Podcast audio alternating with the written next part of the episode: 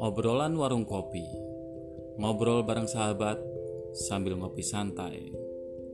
Ngobrol tentang pengalaman, perjalanan hidup, dan kisah-kisah mereka. Sambil seruput kopi, terasa lebih nikmat. Saya Najib, saya akan memandu obrolan warung kopi setiap hari Minggu dan hari Rabu bersama para sahabat.